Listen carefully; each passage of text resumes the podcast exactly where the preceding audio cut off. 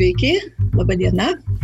Kvapų radijas keliauja toliau ir šiandien mes išėjome truputėlį už savo tokios komfortiškos erdvės, už kvepalų turbūt pasaulio, nes aš nuolat e, primenu visiems apie tai, kad kvapų radija tai nėra tik apie kvepalus. Šiandien mes iškeliavome į socialinių kvapų erdvę. E, šiandien tyrinėsime vieną iš socialinių kvapų - vyno kvapą. Ir šalia manęs e, yra kaip tik tai turbūt gal vienas geriausių, žymiausių šiuo metu vyno žinovų ir aš labai tikiuosi ir vyno kvapų žinovų, Arūnas Tarkus.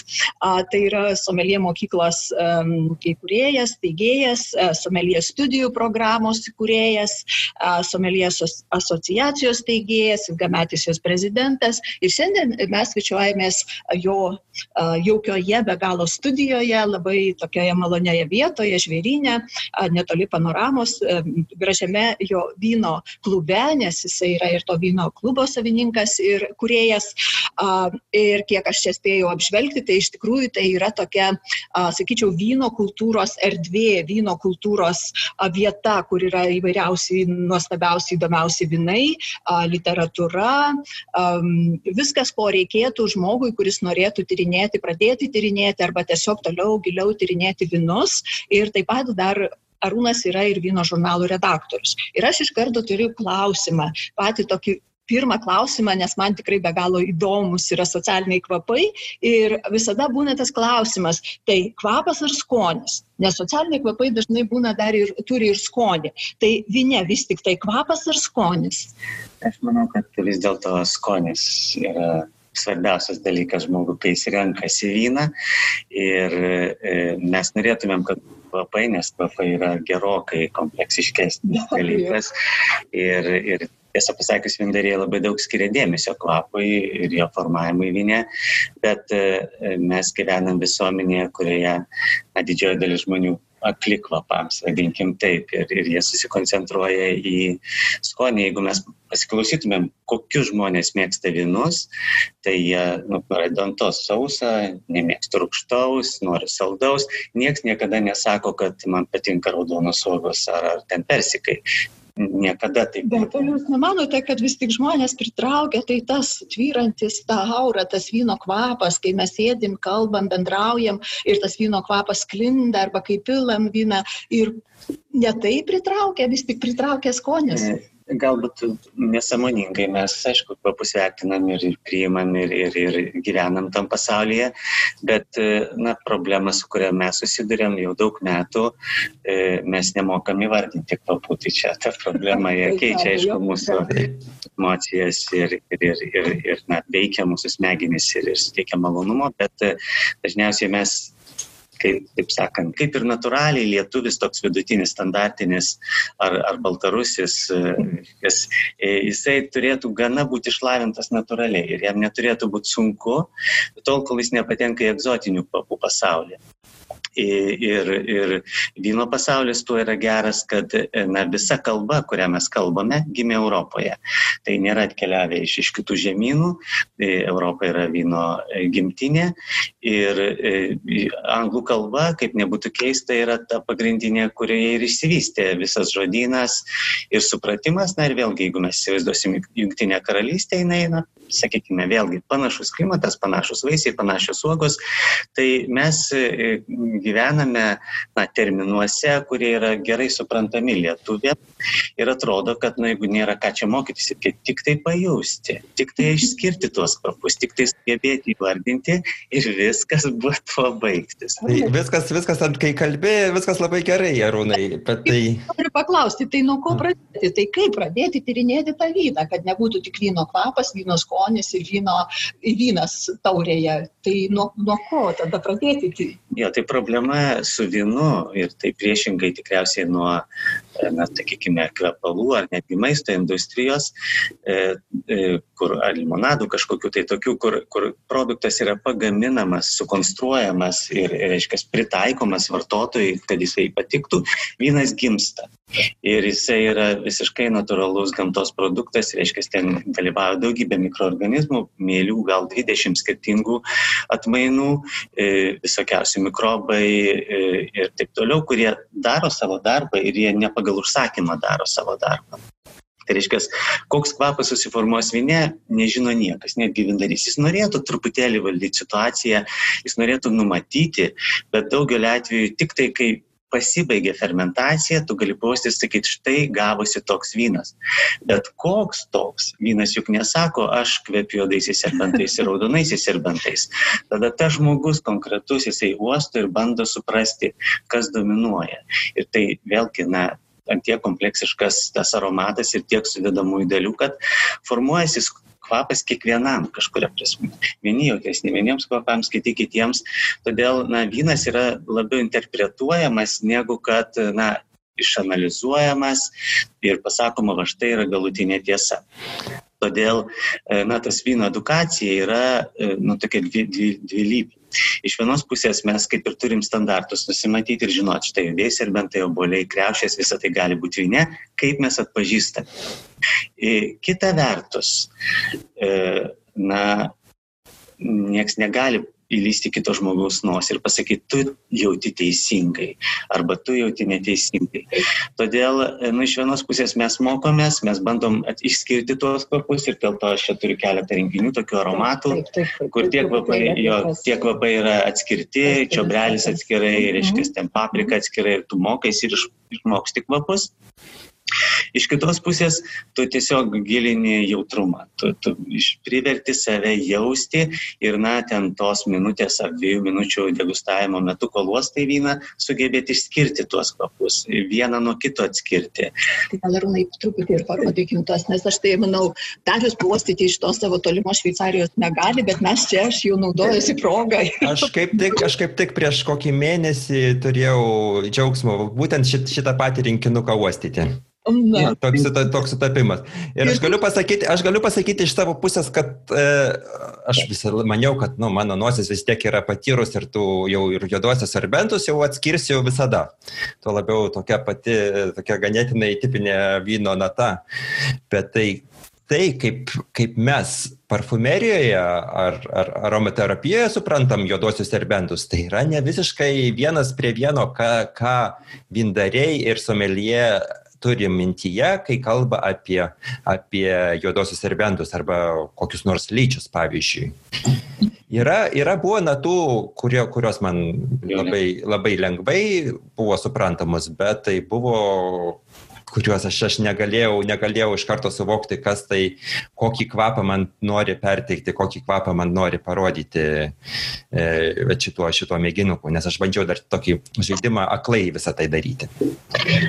E, viskas išmokstama, aišku, mes sakome, obolys yra abstraktu, ne, ne konkretu, nes obolių gali būti tiek daug rūšių ir veislių, kad Taip sakyti, obolio kvapas, tai nesąmonė beveik lietuvio požiūriu. Citrina, kaip ir net normalus kvapas, jau gana gerai atpažįstamas. Italui pasakyk citrina, jis irgi turės iš, iš visos, nuo šiaurės iki Sicilijos jos yra skirtingos. Tai citrinos kvapas, sakyčiau, čia numeris vienas, jis pakankamai standartinis ir, nu, sakykime, gana neblogai atpažįstamas. Bet, pavyzdžiui, man e, irgi lietuviškam, lietuviško aprimo, e, raudonieji serbentai ir avietės yra labai arti vienas kito nu, aromatas panašus, galų gale mes virdavom ogienę, e, maišydami raudonosius serbentus sovietinius. Mhm. Nu, jie kažkokie sinergiškas kvapas, vienas kitą sustiprina bišketverę. Ir e, aš juos atpažįstu, nes na, aš juos abu žinau ir, ir daug metų juos uostau tikiu, kad yra daugybė žmonių, kurie visą laiką maišys, visą laiką painės tuos kvapus. Tai, tai e, taip, mes šitos, šitos rinkinius e, tikriausiai jau gal penktą kartą keičiam, per porą metų jie truputėlį keičiasi, degraduoja, nu, ypač kai kurie kvapai jie tampa jau nebepanašus, bet rinkinys yra ne tam, kad išmoktumėm, kas yra judėjai serbentai, o tam, kad išmoktume mokytis.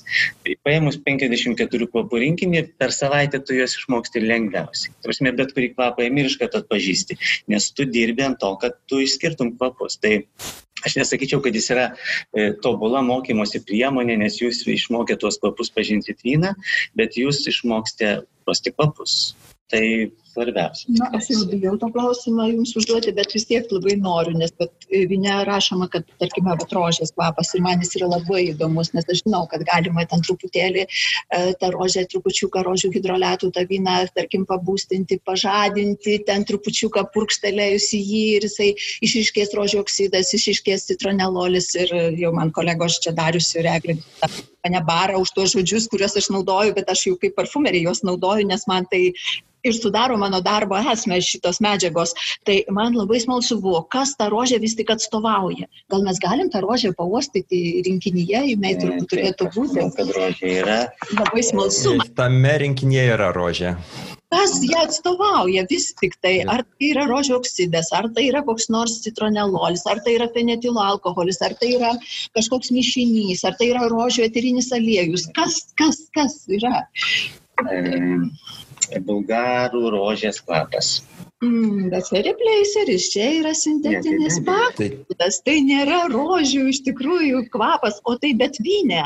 Aš dabar užduosiu tokį probleminį klausimą, bet vynė tai vis tik tai yra kažkas iš tos rožės, tas fenetilo alkoholis, turbūt rožių oksidas, citronelolis, o tos medžiagos, kurios paprastai sudaro rožių, rožių kvapą arba ir netgi eugenolio truputėlį ar metilo eugenolio.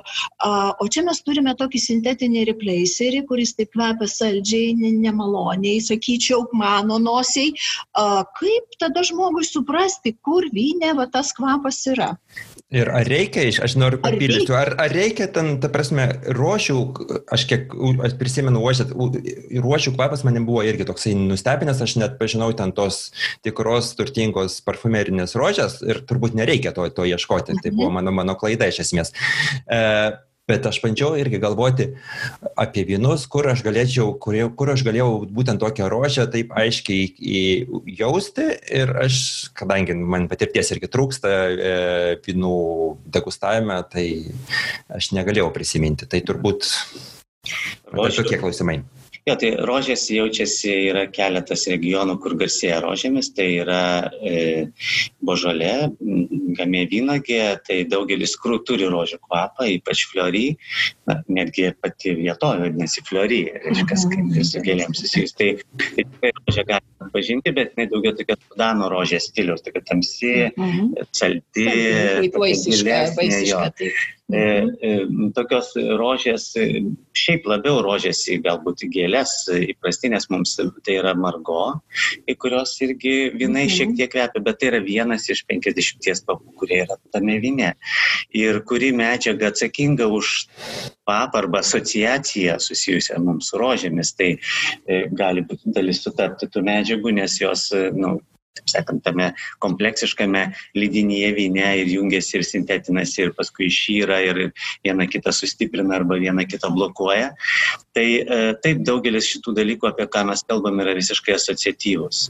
Ir, ir e, čia labai svarbu tą turėti omenyje, kad mes, europiečiai, suformavom tokį žodyną ir kai vyną pradėjo gerti kinai, jiems tai buvo visiškai nesuvokiama, netgi citrina kaip tokia, jiems nėra nu, įprastinis kvapas, kurį jie norėtų iškas sakyti. Ir žmonės, kai tu sakai kvepia citrina, jie neperka, nes jiems tai yra na, net, gal pusiau toks tuščias garsas, arba bent jau visai nesvarbus ir nepatrauklus.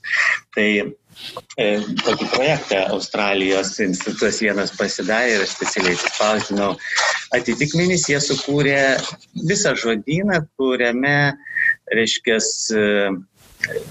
sukeitė, ta prasme, parinko tai, ką mes vadinam vienais kvapais, jie parinko kiniškus atitikmenis. Tai citrina, jie ima kafiro, kafiro laimo lapus, mhm. e, ananasas yra jackfruitas, net nežinau kaip verčiasi, pasijų vaisės guava. Taip, tai irgi gana panašus, jiems necitrusai, jiems tie žvaigždinis e, toks vaisius. Mhm. Ta prasme, e, agrastas, longanas, net mhm. tokia nežinau. Aš ir ne. tai ką tai reiškia, kad mes nu, nebandome nustatyti tos medžiagos, galbūt vindariai, jie nu, šiek tiek naudoja kokį 20-30 aromatų, nes kai kurie yra na, labai tipiški, bet vartotojas arba net ir somelie, mes esame na, tos kasdienybės gyventojai, mums nesvarbu išsianalizuoti ir sakyti, kas nulėmė, mums svarbu sukurti na, aprašymą. Ir, ir šitoje vietoje taip jau yra, kad mes su šitais kvapais visą laiką pradedam somelė mokyklos mokslus, tai dešimt kvapų duoda visi vienodus kvapus ir, na, kas daugiau atpažins. Ir žmonės atpažįsta, suveda tas tai, sintetinius tuos pakaitalus, suveda po to su realiu vyno tai kvapu. Tai man irgi, e, aš, mhm. na, ne. Nes man tai tokia mislė, aš kol kas bandau, bandau suprasti. Gerai, labai aišku, sintetinis kvapas yra, sakykime, kažkokias tai e, praškių kvapai, kramtomosiose gumose, va tokie yra dalykai. Tai aš asmeniškai atpažįstu ir tą kvapą, ir natūralų kvapą, ir visą kitką. Mūsų na, tas supratimas yra platus. Mes sakom, štai žinom, kad tai sintetinis braškės kvapas, čia sintetinis braškės kvapas, bet aš žinau, kaip atrodo ir braškė, ir žemogė, ir padžiūvusi žemogė, ir lenkiška braškė, ir, ir, ir norvegiška braškė, ir graikiškos dabar buvo. Tai, tai yra nu, visuma, mes, mes turim visą tą išsilavinimą. Tai yra tarsi kaip referencas, kaip špargalka, tokia, jo, jo, tai... kad primena, kad tai gali būti ir vine, o jau ten toliau pats ieškok, mano supratimu. Aš tai įsivaizduoju. Tai, tai e, somelie darbas, na, įsivaizduokit, žmogus išeinantis parduoti vyną arba pasiūlyti klientui vyną, jam e, jisai net neturi teisės pasakyti daugiau negu trijų kvapų. Jeigu tu atėjai, sakysi, ar jūs norėtumėte šito rozė vyną ir jis jums kvepės praškėmis, avietėmis, mėlynėmis ir taip toliau, žmogus sakys, pil, pil greičiau, aiškiai, neapšim burnos. Nereikia prašymų. Ir kitą kartą didesnis motyvas yra motivacija didesnė paragauti vyno, jeigu jį padarė e, koks nors ten e, Bredas nusipirkęs. Peter Mayeris, pavyzdžiui, yra išleidęs savo vynus, e, Yellow e, muzikantas Šveicarijoje. Ir, nu, tai yra didžiausias, didžiausias pardavimo e, Taip, ar Coppola Frankas, mhm. Francis. Tai vienu žodžiu, mes turime e, daugybę dalykų nekvapus, nes kiekvienam vinė yra labai panaši aromatų puokštė, čia tam yra problema. Va, va, tai va, čia man... mano kitas klausimas ir buvo, va, kaip, kokios tos puokštės būna ir jūs sakot panaši, aš vis taip pagaunu už liežuvį iš karto, kaip, kokia ta puokštė, iš ko jinai mhm. susideda. Tai na, vadinkim taip, galime išskirti kokias šešias tokias stambes aromatų grupės, kurias, na, kurias dažniausiai mes bandome įvardinti. Ir tos aromatų grupės yra gražiai suskirstytos 80-metyje Deiviso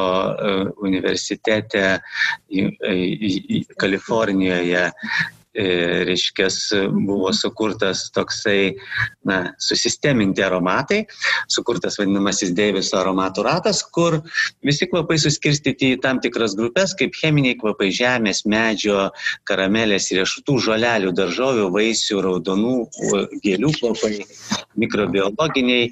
Ir jie paskui skyla į truputėlį tokias smulkesnės šeimas, e, kaip ten cheminiai kvapai, sieros kvapai, kūro kvapai, nes dizelinas žybalas yra tipiški aromatai kai kurių vinų, žemės kvapai irgi pelėsė ir žemė ir taip toliau. Vaisiai be abejo gali skirtis jau į daugybę mums pažįstamų grupių ir tada prieinam prie konkretaus kvapo.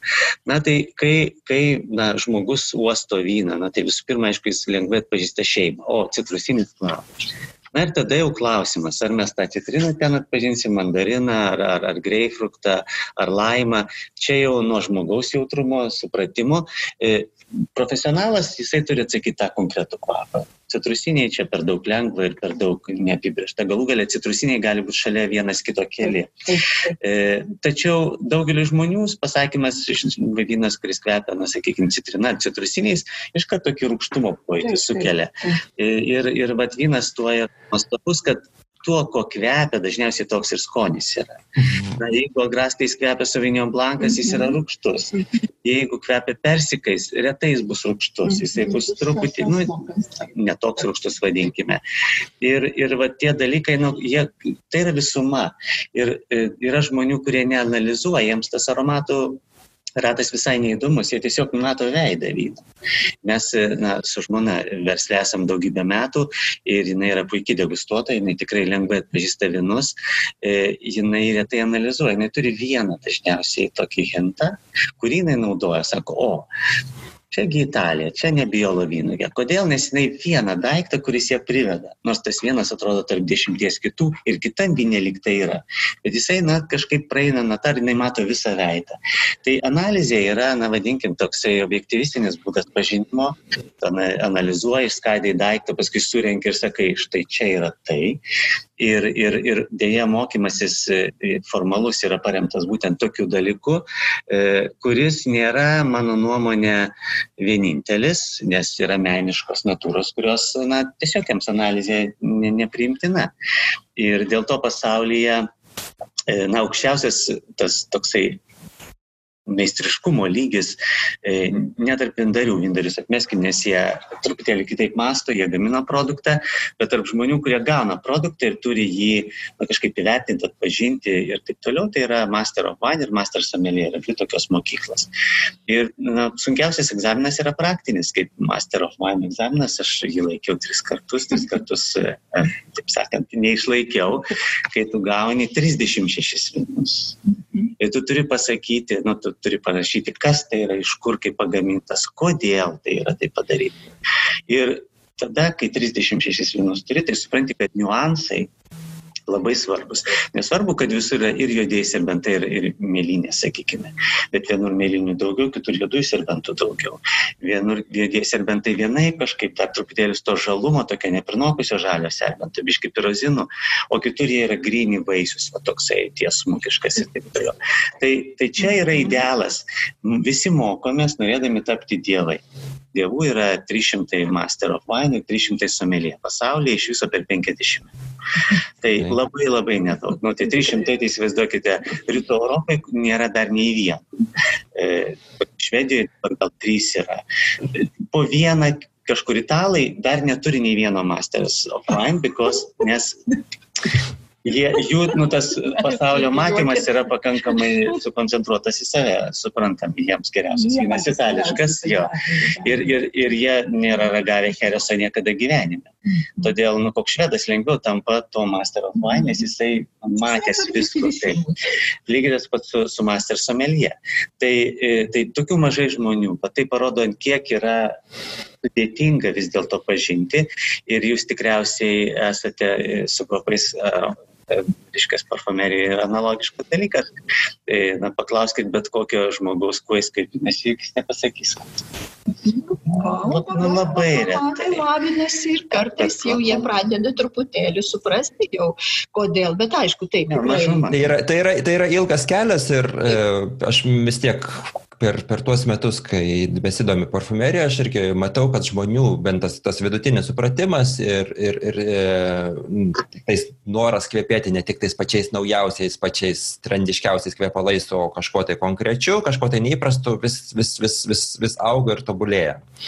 Bet, bet, bet aš norėčiau dar biškai atsukti ir e, prisikabinti prie vieno, vieno, vienos frazės tavo rūnai. Tu pasakėjai, kad e, vyno kvapas ir skonis yra vis tiek yra pan, panašu. Ir tai yra, ar gali, klausimas būtų toksai trumpas, ar tai, ar vyno kvapas gali jau tau daug ką pasakyti apie skonį.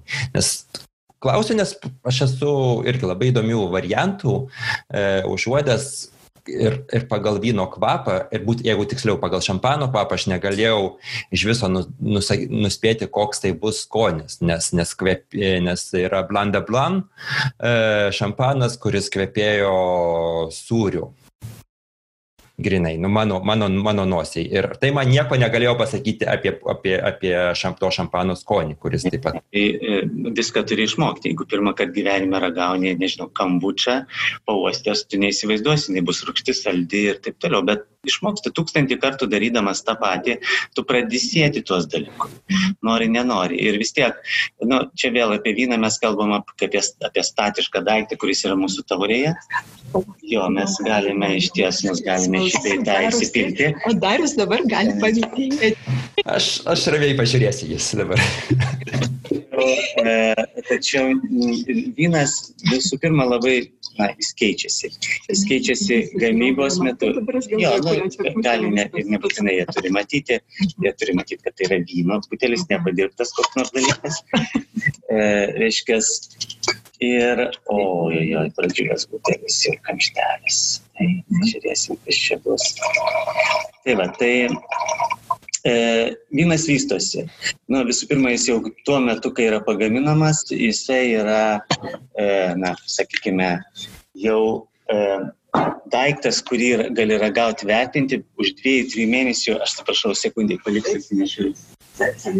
Nepasirūpiname mes pasirvetėlėmis, čia toks nenumatytas. Tiesiog vynas liejasi laisvai šiandien. Taip, būtent. Man tai irgi labai nepatyrusiam pats, e, pats mechanizmas atidarimo buvo toksai, wow. Mhm. Jis pasikeičia, tai grįžtam jo, pasikeičia vynas ir jisai keičiasi visą mhm. laiką. Stovėdamas butelyje jisai keičiasi. Ir jeigu mes paimsim tą patį šampaną, blandę planą, nežinau, 78 metų, jisai bus kitoks negu tik ką pagamintas. Dėl to e, e, apie vyną mes kalbam kaip apie evoliucijos tam tikroje stadijoje esantį gėrimą.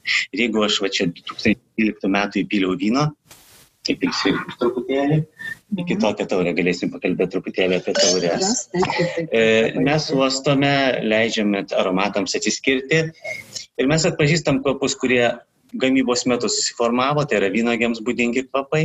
Mes atpažįstam kvapus, kuriuos vyndarys jų įdėjo, laikydamas, sakykime, ažalo statinėse, šitas vynas pabuvo du metus ažalo statinėje, tas yra vanilės, kokoso, skrudinimo kvapai. Jaučiasi tas toks salsvas, bet tas būtent ažalo yra labai gražus ažalo absoliutas, ažalo medienos prancūzai gamina ir va čia va visiškai tas toks. Bet, bet ką mes, mes jau girdime iš, reiškia, iš laimės pokalbio pasakymus - salsvas kvapas. Aš sakau vanilė, jinai sako salsvas, nes asociacijos yra tokios yra. Mes susijęm skonį su kvapu labai greitai. Ir vinė tai būtina daryti, nes iš to mes susiformuojam bendrą įspūdį. Ir tas įspūdis yra apie tai, ar vynas yra harmoningas ar ne. Jeigu vynas kvepia na, labai saldžiais vaisiais, bet burnais yra totaliai sausas, labai rūkštus ir žalias, vadinasi kažkas yra ne taip, mes mhm. galim netitart, kad kažkas manipuliavo gamybos metu ir panašiai. Mhm. Tai vyno industrijoje kaip ir negalima manipulacija, čia yra ta geroji pramonės šaka, e, kur, na, vindariai turi pagaminti, geriausias vindarys yra tas, kuris padaro nieko nedarydamas. Jis nenaudoja nei mėlių, nei temperatūros kontrolės, nieko. Čia dabar tas vadinamasis natūralių vynų judėjimas, prancūzai jau netiteisino atskirą kategoriją. E, Net čia pačių vynogių darbas tai, jau yra, jau kilniojo puvinio, ten ir visų kitų. Mėlių, kurios mėlių, tiesiog yra gamtoje, vyninėje panašiai. Tai, tai geriausias, geriausias vynininkas yra tas, kuris įsigijo vynų ūkį teisingoje vietoje. Deja, deja, tai irgi svarbus dalykas. Taip. Tai, e, tai susiformuoja vyno skonis, vyno kvapas iš tų dviejų dalių, tokių pirminiai aromatai vadinamieji, kurie yra iš, iš vynogės ateinantis ir antriniai aromatai, kurie jau gimsta vynėje. Šampano atveju antriniai aromatai yra brandinimas e, butelyje su mėlėmis. E, mėlės kyla, vyksta jau tolizė, jos išskiria tokį skrebučio kvapą, kuris truputėlį gali link sūrio judėti laikui bėgant. E, ir paskui, kai jau vynas patenka į butelį, jis toliau bręsta. Ir vėlgi tie aromatai, nu, jie jungiasi, keičiasi, ten yra daug alkoholio, formo, e, oksiduojasi po truputėlį, vystosi. Tai kai vysta vyną mes uostom, dažniausiai nu, vienas dalykas mes bandom jį apsirašyti, kitas dalykas pasakyti, kurioje vystimosi stadijoje jis yra. Ar jis jaunas, ar jisai brestantis, ar jis subrendęs. Čia viena iš išvadų, kurias tengiamės padaryti. Nes jeigu vynas jaunas, dar gal 20 20 metų jis gali gulėti. Jeigu jis yra subrendęs, aromatai yra jau tokie tretiniai. Ir tretiniai aromatai, vėlgi, jeigu mes sakysime, na, viską, kaip, kaip visuma jų. Bet tretiniai aromatai yra aromatai susijęs su įrimu, puvimu, džiuvimu ir panašiais dalykais. Tai, na, jeigu mes sakom tretiniai aromatai, tie, kurie atsiranda vėliausiai, kurie atsiranda brestant vynui, o kas tai yra? Oda, tabakas, na, džiovinti vaisiai, džiovinti, nešvieži vaisiai, mhm. žemė, kartais mėsa, puvanti mėsa, prasme, dalykai, kurie irgi yra. Ir tie kvapai laikui bėgant atsiranda ir čia. Ir aš manau, žmoguje lygiai taip pat mes pradedam kvepėti kitaip, nes laikas mus keičia. Tai vynas, na, yra tuo žavus, kad jisai evoliucionuoja, keičiasi ir tu tai gali pajusti būtent uostydamas, neragaudamas dar kol kas. Ir jeigu tu užuodi tuos tretinius kvapus, čia šiek tiek yra jau tokios odos atsiradęs šiek tiek, e, kažkokios tokios žemės šlapios, jau gali sakyti, tai nebėra jaunas vynas. Ir tada, na, 12 metai, netaip jau senai, 8 metai praėjo, kažkas pasikeitė, jau tu gali ir laiku pakeliauti, ir asociacijos kažkokios tau gali prisiminti tą karštą arba šaltą vasarą. Ir, ir, ir netgi dar neparagavus, mes jau formuojam daugybę asociacijų, kurios arba teikia malonumą, arba mums duoda, reiškia, kažkokį tai medžiagos pokalbėms ir panašiai. Tai e, jo, tai aromatai jų daug, bet kam esmė? Kai aš pauostau, aš net negalvoju, kuo jisai kvepia man nu visuma jau, nu, kai aš daug metų uostau ir ištisai darau išvadas iš to, ką aš paustau, aš iš karto galiu, tai yra subrendęs vynas maždaug tokių metų, net nesakydamas kodėl ir savo neįvardindamas. Mhm. Tai patirtis, na, vyno vartotojo ar vyno profesionalo yra svarbus dalykas. Per dieną neįmanoma tapti vyno profesionalu, per metus neįmanoma, per dešimt galbūt taip, ištisai dirbant su savimi ir, ir, ir įgaunant labai daug patirčių, nes kai bręsta bordo ir kai bręsta koks nors kitas vynas, gali būti visai skirtinga trajektorija. Ir tu abu vynus turi kažkada paragauti.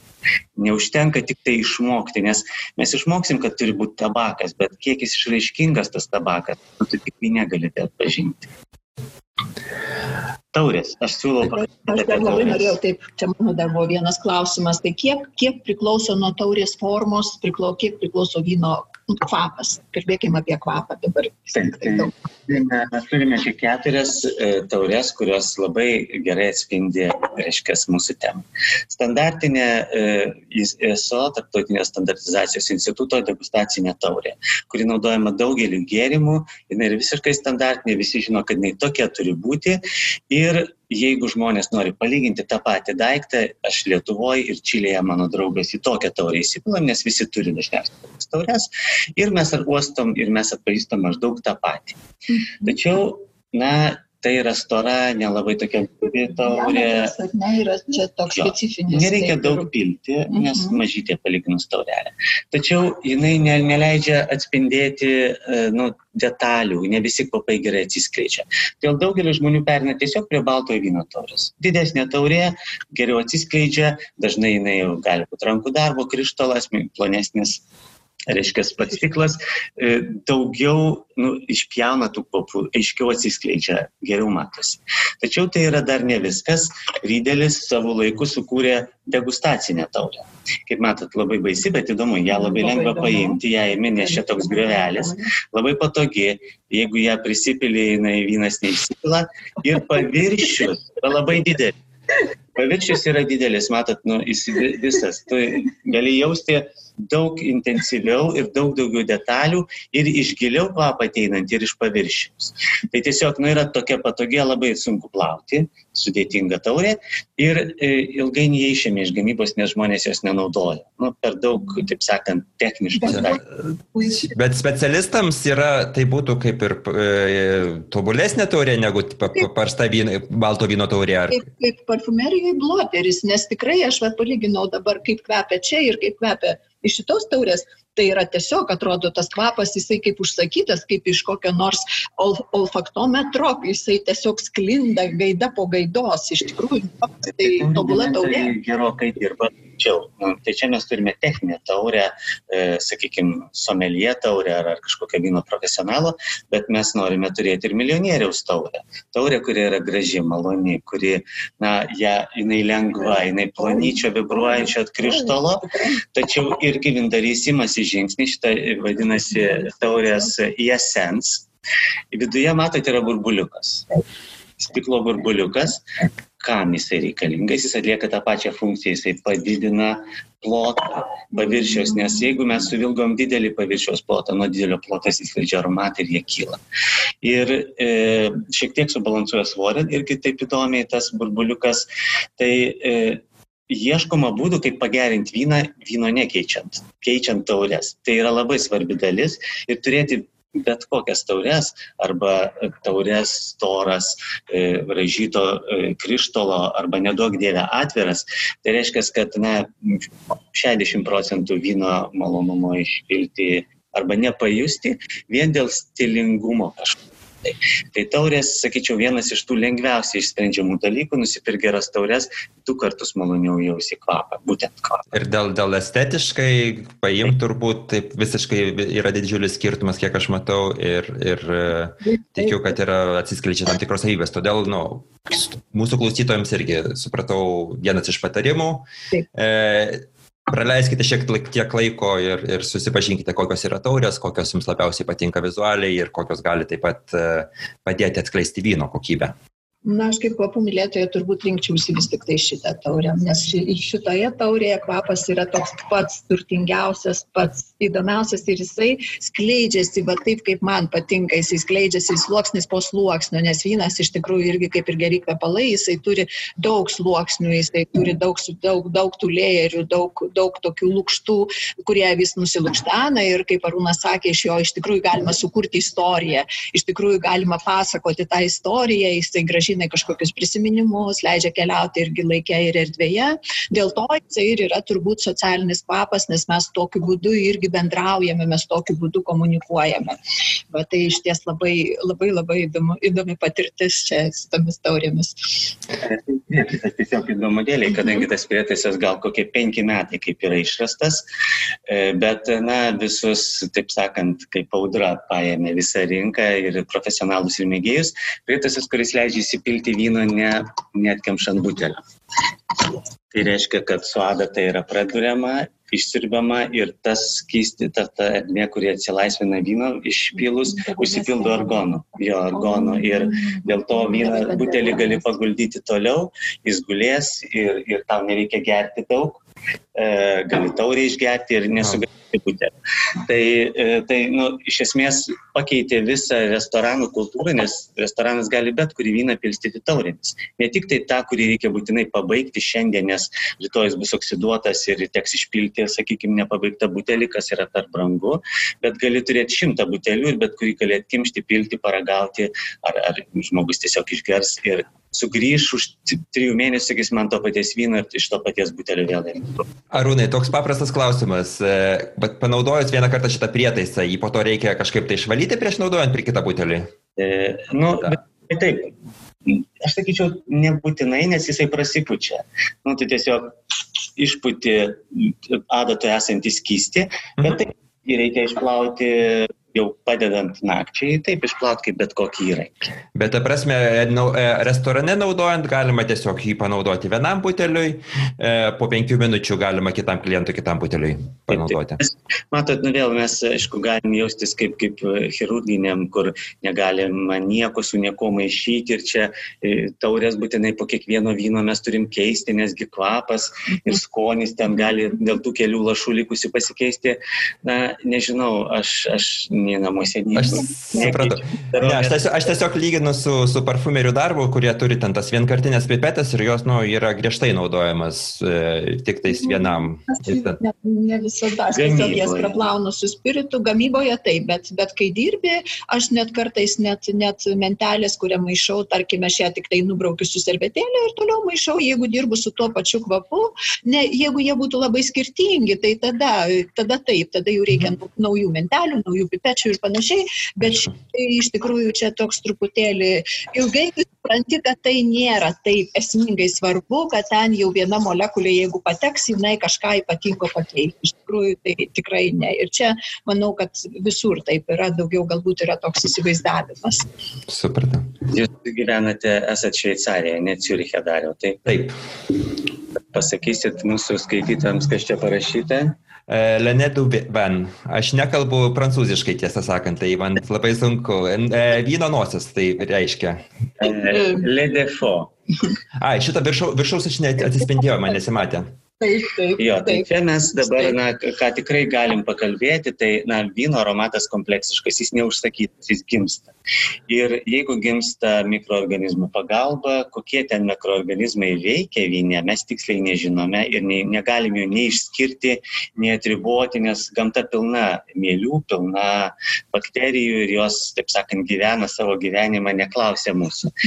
Ir dėl to vyne kartais yra įdos ir tos įdos yra na, jų kilmė yra gamtinė, grinai, taip sakant, atsirandančios dėl to, kad ne tie mikroorganizmai suveikia.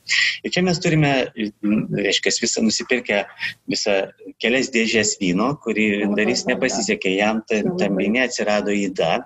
Viena iš tokių na, tipinių įdų, kurios tapo įdomis tik tada, kai žmonės suprato, iš kur jos atsiranda.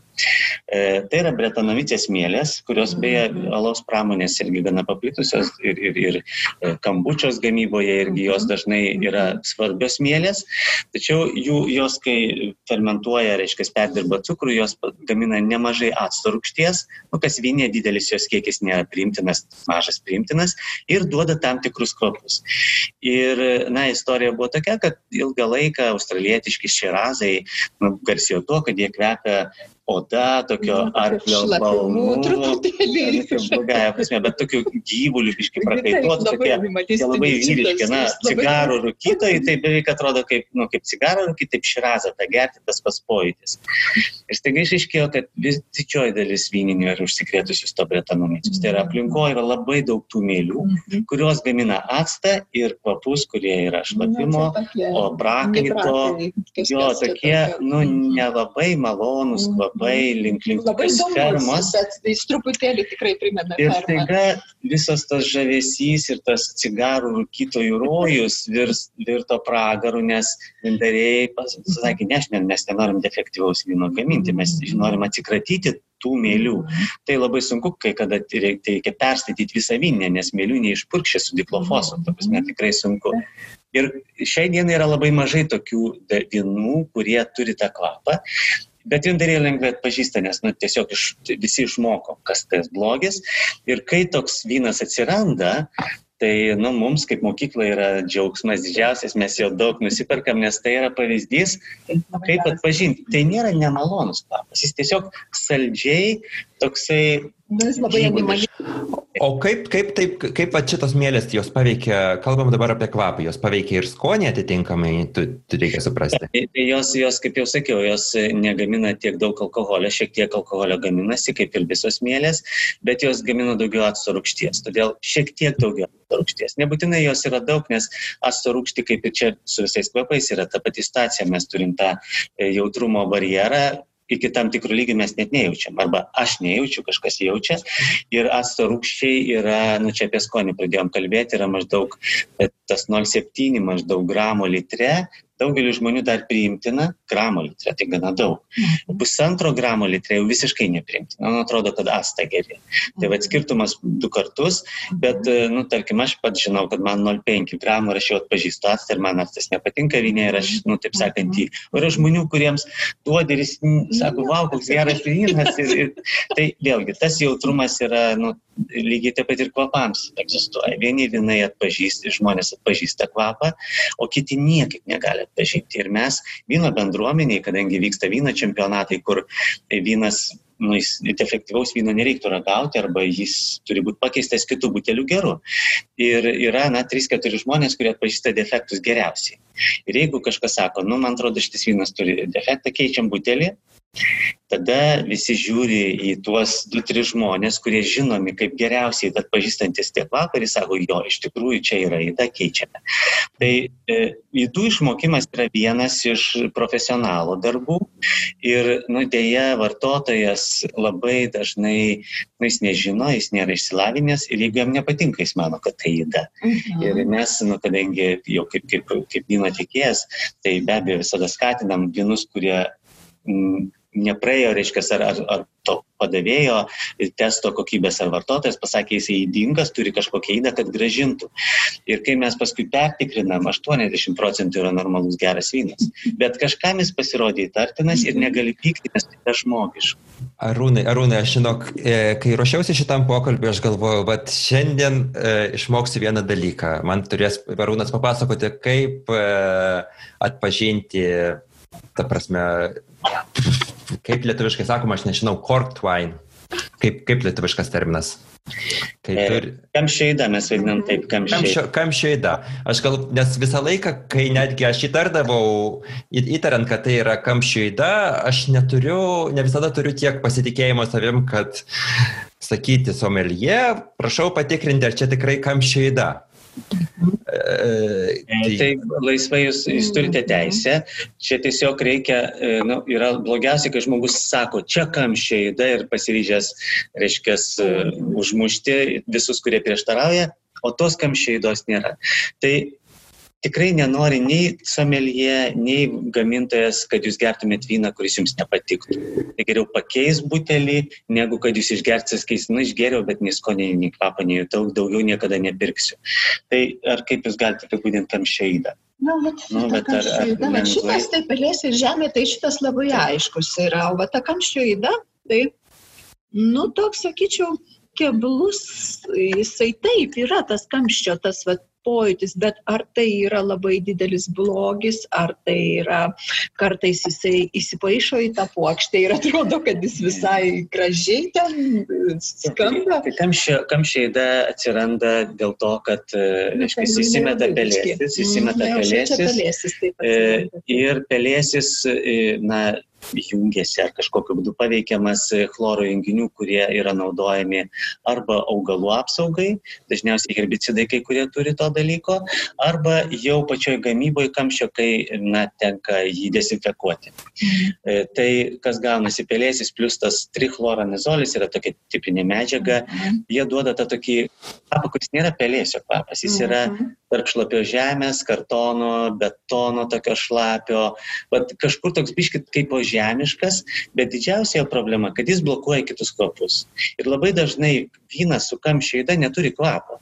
Tu uostai gali kamščio įdai būti nejautrus, nu tiesiog net pažįsti to kvapo, trichloranizolis. Mhm. Taip. Bet tu nejauti kitų kvapų ir nesupranti, nu kur kvapas, ką daryti. Gumos, tai yra požymis. Tarsi, tarsi, bet kažkokios gumos, bet kaip sakėte, asfalto, kažkas tokio. Ir iš tikrųjų, kartais taip, tikrai vinuose jis, jis būna dominuojantis. Nu, bet, taip, pakankamai retai jau tiesą pasakius, bet tai taip, tai vienas iš būdų yra tiesiog imti tuos defektyvius vynus ir juos ragauti. Tai visuose e, paskaitose, visuose renginiuose įdomiausias butelis, kuris yra klaida, nes visi nori jo pavostyti, nes jis yra retas ir nu kaip čia ką, ir visi tą mintį minėjau, kad aš geriau visą gyvenimą tą blogą vyną, nu dabar išsiaiškinsiu, bet niekam nesakysiu. Tai įdų gali būti įvairių, bet, e, nu, kai kurios yra labai pla, plačiai paplitusios, nu, va, tas arklio kvapas, kuris bret, bretanamicijai mm. būdingas.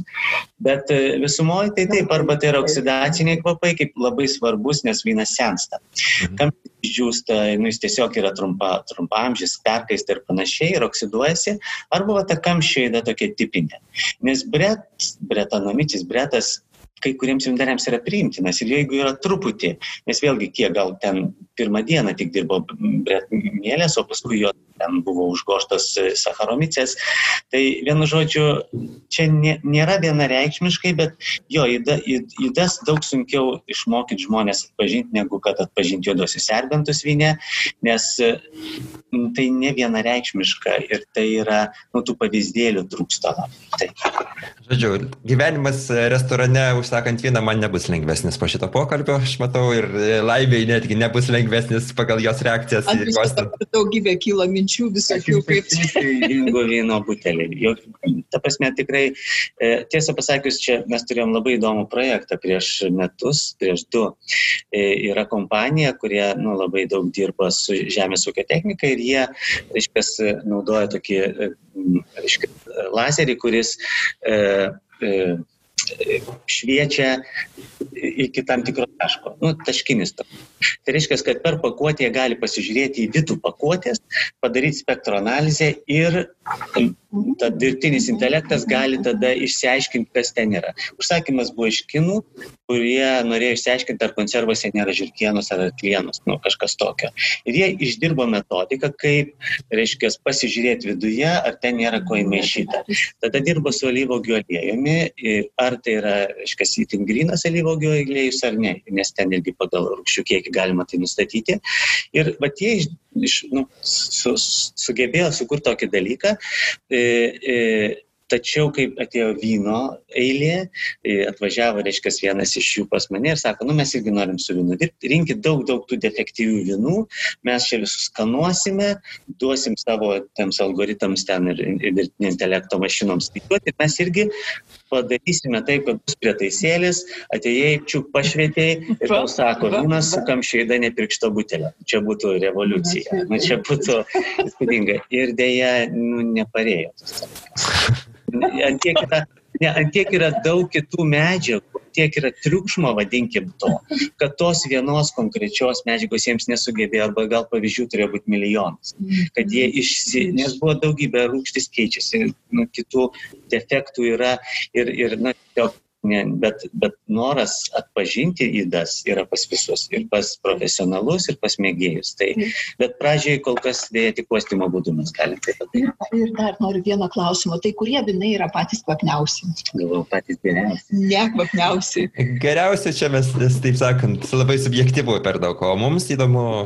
Kvapniausi. Tai vynuogių veislės, kvapniosios vynuogių veislės. Ir, ir, na, tokia tipiška yra muskatas tikriausiai, kur lengvai atpažįstam, gevirstramineris iš raudonųjų ir pusiau aromatinės, kaip vienje, rizlinkas priklauso pusiau aromatinėms iš tokių žymesnių. O raudonųjų tarpe dažniausiai, nu, sakyt, kad labai kvapnios vynuogės tokių beveik nėra arba jos netaurios. Jos, nu, jos yra prastesnės kokybės, ten kokia alikantė bušė, kuri yra išvestinė vynogė, pritaikyta tam tikram klimatui, patogiai auginti, bet jinai nėra, na, tokia tauri. Dažniausiai gamyba yra būdas, kaip atidaryti aromatą raudonajam vynė.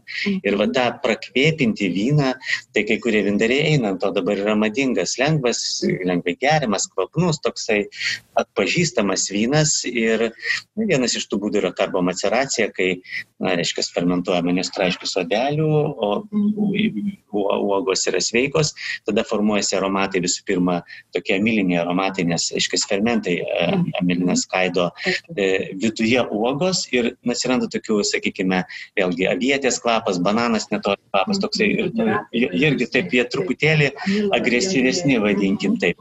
Tai va tu užbūstini, tada jau po, po kažkiek laiko vis dėlto uogas sproksta, nes išsiskiria CO2 ir, ir su juo vyksta normali fermentacija, kuri duoda savo kvapus. Ir tu turi tokią dvigubą kvapų dozę ir vieni iš jų yra agresyvūs, na, nu, sakykime, gerąją prasme tie, tie aromatai. Tai, Tai vinai čia ne, tarkime, heresai, ne, ne, ne, ne, neįsiskaito į tą grupę. Jo, tai jie kvapnus dėl oksidacijos, nes jie nu, tiesiog jau ten esteriai visokie formuojasi, kurie irgi gerokai yra kvapnesni, bet, na, čia labai specifinė grupė tokia ir, ir dėl kvapo retai žmonės perka, dažnai jie perka na, heresą dėl, dėl skonio ar portą, dėl saldumo, bet taip, heresai irgi yra ypatingai fino ir manzanijos, jos, kadangi jos yra laikomos su mėlių plėvele gamybos metu, tai tos mėlės duoda labai daug tokių jodinių aromatų jūrinių. Tai irgi šiek tiek, bet čia jau toks kaip aromatizavimas gaunasi, nes... Tikėtina, iš tikrųjų, ten jau, ten jau gali tyrinėti tą kvapą, jau kvepintis jau beveik gali. Tai įspūdingi kvapai. Taip, tai, tai čia jau visai žmogų, kuris nieko nejaučia, tai tas kvapas tikrai atpažįstamas.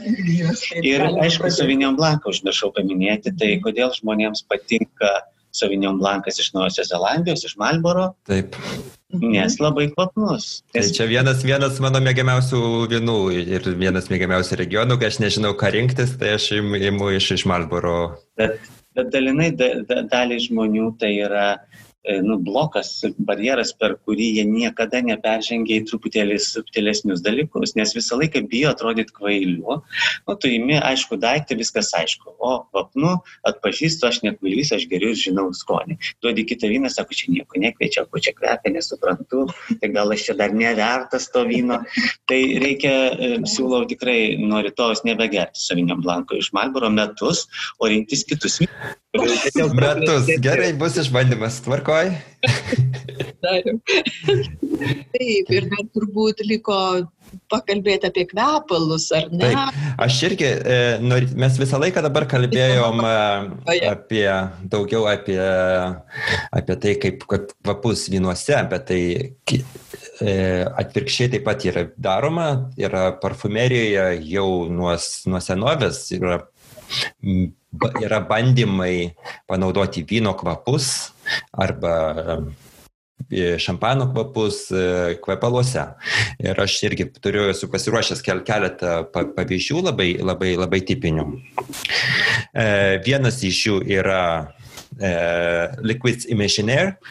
Lietuvoje taip pat irgi galite įsigyti kvepalus pas mane yra, yra išleisti netgi trys kvepalai, pas mane yra šitas Bloodywood, yra raudonojo, raudonojo vyno ir būtent tos, tos, kaip mes jau kalbėjome, medienos, bet bačkos medienos kvapas. Ir, ir nuostabus, nuostabus aromatas, yra, šitie yra ganėtinai nauji kvapalai, e, nauji ta prasme, kad e, paskutinių deš, dešimtmečių, aš dabar nepasakysiu gerai metų.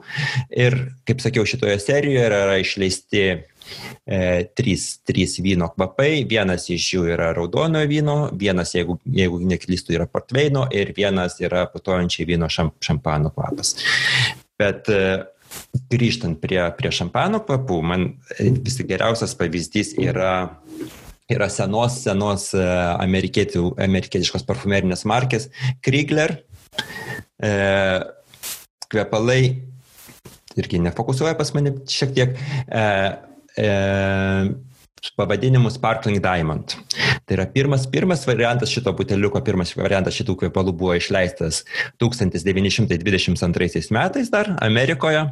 Ir e, kvapas yra toks, netgi šiais, šiais laikais man iki šiol atrodo šiek tiek neįprastas, nes jame labai aiškiai išreikštas toks, tasai, bur, tokie, toks, e, vėl man trūksta lietuviškų žodžių, fizik kvapas, toksai putojantis, toksai, toksai įspūdingas ir, ir kar, kartu jau irgi mūsų apkalbėtas, kas, kas padeda tam su, sukelti tikrą šampano įspūdį, e, tos, tos tos braškės ir tos braškės, tai sakyčiau, netgi tokios šiek tiek e, dirb, dirbtinės, kaip laimė įvertintų ir netgi aš sakau, taip, dirbtinės braškės, bet šita kombinacija yra tokios vis tik e, prašmatnus ir, ir, ir, ir įspūdingas ir, ir putojantis ir, ir nuotaiką pakelintis, pakelintis kvapas. Tai yra, pasikartosiu, Krigler e, 22 Sparkling Diamond lengva atsiminti. Mhm. Bet aš galvoju, čia man tai visai kita asociacija kyla, 22 metai, tai vynas buvo daromas truputį kitaip. Na, vis tiek laikai keičiasi, keičiasi žemės ūkis, mhm. keičiasi požiūris. 21 buvo vieni iš tų legendinių metų vyno industrijoje, šampanuose mhm. taip pat vieni iš geriausių šampanų visų laikų. Ir kas yra įdomu, jeigu tais laikais sukūrė kažkas šitą kvapą ir kaip tik po tų gerųjų metų, tai galbūt tai yra nu, tokia savotiška rekonstrukcija arba mm -hmm. istorinis kvapas, kurio dabar jau mes nejaučiam ir niekas nes ne, mažai žmonių ragavė tų laikų šampano šimtas metų jam tai bus, bet pauošius aromatą tu gali nu, kažkaip tai persikelti į tuos laikus. Tai tokie istoriniai kvepalai, jie turi ir, ir istorinę vertę, ne tik kaip kvepalai, bet ir kaip ir vyno istorijos dalis šiek tiek, nes taip matė žmonės tuo metu šampaną. Ir dabar, jeigu atrodo jis neįprastas, galbūt, sakykime, kaip jūs sakote, dėl to, kad mes dabar geriam truputį kitokio skonio šampaną. Tas vat. Bet, taip, bet būtent sakau, tas, tas, e, tas čia yra pat, patys reiškia, nes irgi dabartiniai gamintojai yra to, tokius šampaninius kvepalus irgi yra išleidę per paskutinius penketą, dešimt metų, bet šitas yra vis tik man yra toks e, atskaitos taškas visuose, visuose vyno tipo kvepaluose. Ir dar yra viena, dar yra viena vieni, vieni gamintojai, apie kuriuos aš, e, aš kurių neturiu parodyti, aš pats jų netes, netestavęs atvirai sakant, bet e, Kelly and Jones yra 12 metais yra, iš, e, yra išleidus e, kvepalų ir pras, pras, prasidėjo nuo kvepalų rink, rinkinių, kurios, kuriais e, bando atkurti ir iš, ne tiek atkurti, bet iš, iš tam tikrų vynogių padaryti, padaryti kvepalus. Tai jos taip yra išleistos kelios kelios kolekcijos, yra viena iš jų Notes of, Notes of uh, Wine. Ir iš, yra išleisti uh, kvepalai Pino Grigio, Rieslingo, Chardonnay ir, ir Merlo pagrindu. Uh, tai va, tai kel, kiti, kiti leidiniai buvo e, kitais alkoholiais, tai yra pas, vienas, man atrodo, naujausių yra meskalio e, pagrindų daromi kvepalai. Man tai taip kvepia neblogai. Taip, mane, nu, gal, gal sakau, gal netgi, tiesą sakant, kito alkoholio natos visokių, tarkim, konjakų arba viskių arba kas, kas, kas dar ten. Romo. Kas taip? Romo, taip. Romo, taip, ypatingai Romo. Tai e, kiti alkoholiai yra populiaresni atkartojant e, kvepalus, ta prasme, panaudoja, kvepalų panaudojimą, gamyboje panaudojimą. Nu ir lengviau jos apčiuopti, lengviau tas natas apčiuopti tiesiog, dėl to yra ir daromės ir esencijos, ir ekstraktai ir panašiai, o vynas jis yra labai efemeriškas, iš tikrųjų labai efemeriški tie kvapai, mano supratimu, ir dėl to turbūt yra gana, nėra taip paprasta apčiuopti ir pagauti tas gaidas ir jas užfiksuoti, sutvirtinti, užfiksuoti taip, kad jos ilgai laikytųsi, kad jos sklistų, kad jos būtų difuzyvios ir kad, ir kad iš jų suformuoti va, tai, ką mes vadinam kvepalais. Tai va, ir kas man taip pat, teisingai pasakė laimė, kas mane žavi ir, ir, ir, ir e, ypatingai kvepaluose, bet ir, ir vynuose, tai yra tas, tas efemeriškumas, tai kad tu, kad tu e, kvepalus, ta prasme, užsipurški ir tau jie keičiasi dienos eigoje. Su vynu yra dar sudėtingiau, tas, e, tai suvokimas, jeigu paga, pa, gerais metais pagamintas vynas ir jisai kinta ir tu jį šiais metais ragausi ir, ir to galbūt daugiau niekada to ne, ne, nebebus. Ar yra toks, toks, toks, toks suvokimas kartais su geriausiais vienais ar E, na, jie lietai keičiasi, bet daugelis žmonių jie laukia to momento, kai jis pasieks savo tą patį geriausią momentą, evoliucijos tokį piką. Tai, tai taip, vynui reikia duoti laiko atsiskleisti. Ir jisai, na, čia laikas svarbus veiksnys, kurio mes daugelį atvejų neturim, ne, ne, nesuvokiam, kad turim duoti jo. Bet jeigu su kvepalais jie keičiasi dienos bėgyje, tai vynui reikia duoti, na, 20 metų.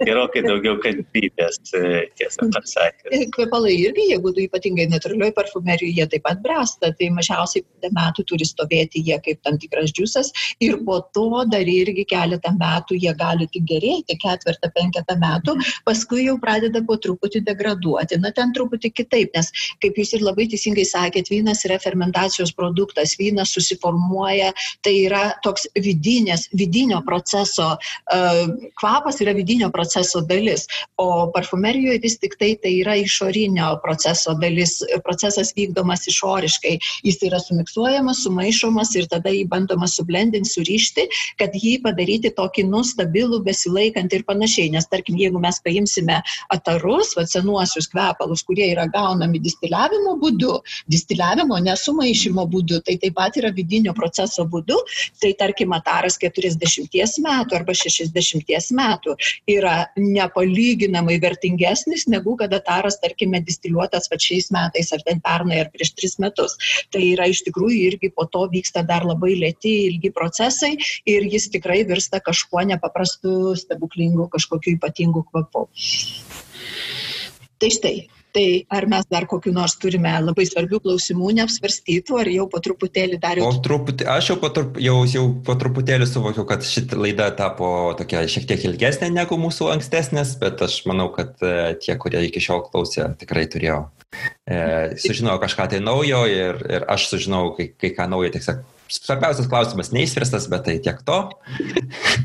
Visada lieka dar erdvės kitiems. Tai va, tai va, Tai šiandien su mumis buvo ir mes su, bendravome su e, somelie ir vyno klubo, ir vyno žurnalo, ir vyno kultūros e, profesionalu Arūnu Starkumi.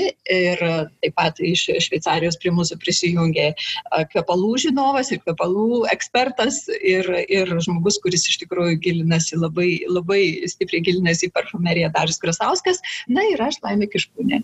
Tai tik mes pasimatysime dar daugelį kitų laidų. Ir grįžime prie socialinių kvapų. Ačiū Arūnai ir ačiū Laimė ir viso geriausio. Ariau ir viso geriausio. Iki.